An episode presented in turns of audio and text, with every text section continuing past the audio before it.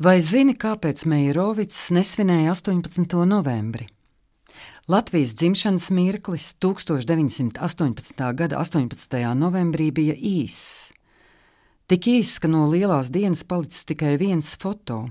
Tomēr mēs svinam daudz vairāk, jo ceļš uz šo brīdi izvērtās garš, un vēl garāka cīņa par izdzīvošanu. Latvijas valsts netapa vienā dienā, Valsts dzimšanas dienas balle nebija lielākā mūsu tautas vēstures atslēga. Arī Meijerovics 18. novembri nesvinēja. Rezidents viņš bija pārcēlis uz lētāku vietu, īrētu dzīvokli, un todien strādāja. Rakstīja ielūgumus Londonas latviešiem uz pasākumu pēc nedēļas, kurā ziņošot par Latvijas nākotnes izredzēm un uzdevumiem. Izredzes joprojām bija niecīgas, bet uzdevumi aicik daudz. Nākamajā rītā pēc 18. novembra latvieši saprata, ka nekāda brīvība nav iegūta. Cīņa par brīvību vēl bija priekšā, ne tikai ierakumos, bet arī diplomātu salonos. 1919. gada janvārī, kad Latvijas pagaidu valdība Liepājā glābās no bolševikiem, Londonā pie Meijerovica, nu jau ārlietu ministra, ieradās Čakste. Abi devās uz Parīzi. Tur sākās Parīzes miera konference, latviešu lielā cerība panākt de jure starptautisku atzīšanu. Tobrīd viņi nenojaut, ka cīņas Parīzē būs vēl daudz ilgākas par brīvības cīņām dzimtenē. Izņemot Britu doto de facto atzīšanu, nevienam citam pasaulē tāda Latvija lāga nerūpēja.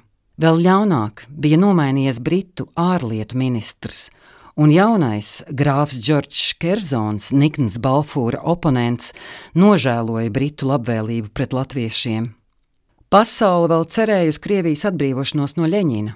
Bija sācies Krievijas pilsoņu karš, un Parīzē visi turēja īkšķus par Baltgvardiem. Visi, izņemot tautas, kuras bēga no cariskās Krievijas jūga. Lielvarām bija katrai sava ieinteresētība Krievijas impērijas atzimšanā, Briti cerēja uz pretspēku kreisajai Vācijai, amerikāņi agresīvajai Japānai, bet Francija vēlējās atgūt milzīgos cara kredītus, ko Ļeņins loģiski netaisījās atdot. Visi nosprieda, ka par līdzšinējās Krievijas mazo tautu likteni jālemj Krievijas parlamentam, kad tāds atkal taps. Parīzes miera konference ilga gadu, līdz 1920. gada janvārim. Latvija jau bija izcīnījusi savu zemi, ievēlējusi parlamentu, noslēgusi mieru līgumu ar Krieviju, bet pat tas nelīdzēja. Visi gaidīja, kā beigsies Krievijas karš. Latviju neatzina de jure, jo tā nebija uzņemta Tautu Savienībā, kas tika dibināta miera konferencē Versaļas līguma rezultātā, bet to neuzņēma Tautu Savienībā, jo tā nebija atzīta de jure. Latvijā sāka protestēt, ka mēs, maza tauta, bez tādas savienības varam arī iztikt. Meijerovics to necieta. Pasaules kartē nav lielu un mazu tautu. Tautas lielumu nosaka nacionālā pašapziņa un gara apvāršņi. Diemžēl mazām tautām to nosaka arī pasaules kārtība. Tikai 1920. gada beigās pasaules kārtība sāka iegrozīties mums par labu. Kļuva skaidrs, ka Krievijas pilsoņu karā uzvar Ļeņins un cariskā Krievija neatdzims, Antantes sabiedrotie kļuva pielaidīgāki. Meijerovicam bija izdevies iekarot Itālijas un Francijas labvēlību, un tas nostrādāja. 1921. gada janvārī Parīzē notika Antantes augstākās padomes sēde. Itāļi rosināja lemt par Latvijas un Igaunijas atzīšanu, Briti to bloķēja, bet padomas prezidents Franču premjers Aristīts Briāns uz savu galvu tomēr iekļāva lemjamo jautājumu listē. Pretiniekiem vairs nebija ko iebilst, un 26. janvārī Latvija beidzot tika atzīta de jure.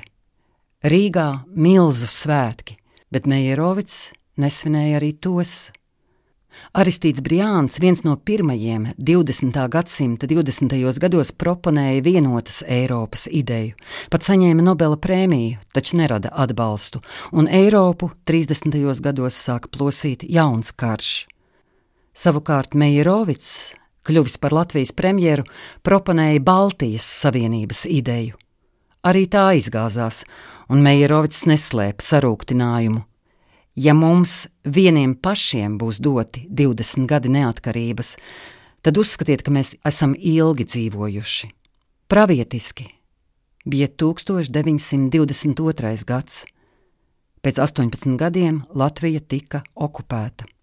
No 38 tautas padomas locekļiem, kas piedalījās valsts proklamēšanā, padomju okupāciju piedzīvoja 26.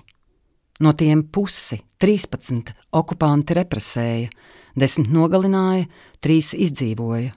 Vēl 8 devās trimdā. Latvijas valsts bija pastāvējusi nepilnus 22 gadus mazāk nekā mūsdienās kopš neatkarības atjaunošanas. Tāpat kā 1918. gada 18. novembris, arī 1990. gada 4. maijs bija tikai viena īsa diena pa vidu garai cīņai. Paturēsim prātā, ka ne jau to vienu dienu mēs svinam, un pat ne simts gadus. Mēs svinam arī ceļu uz tiem un ceļu tālāk.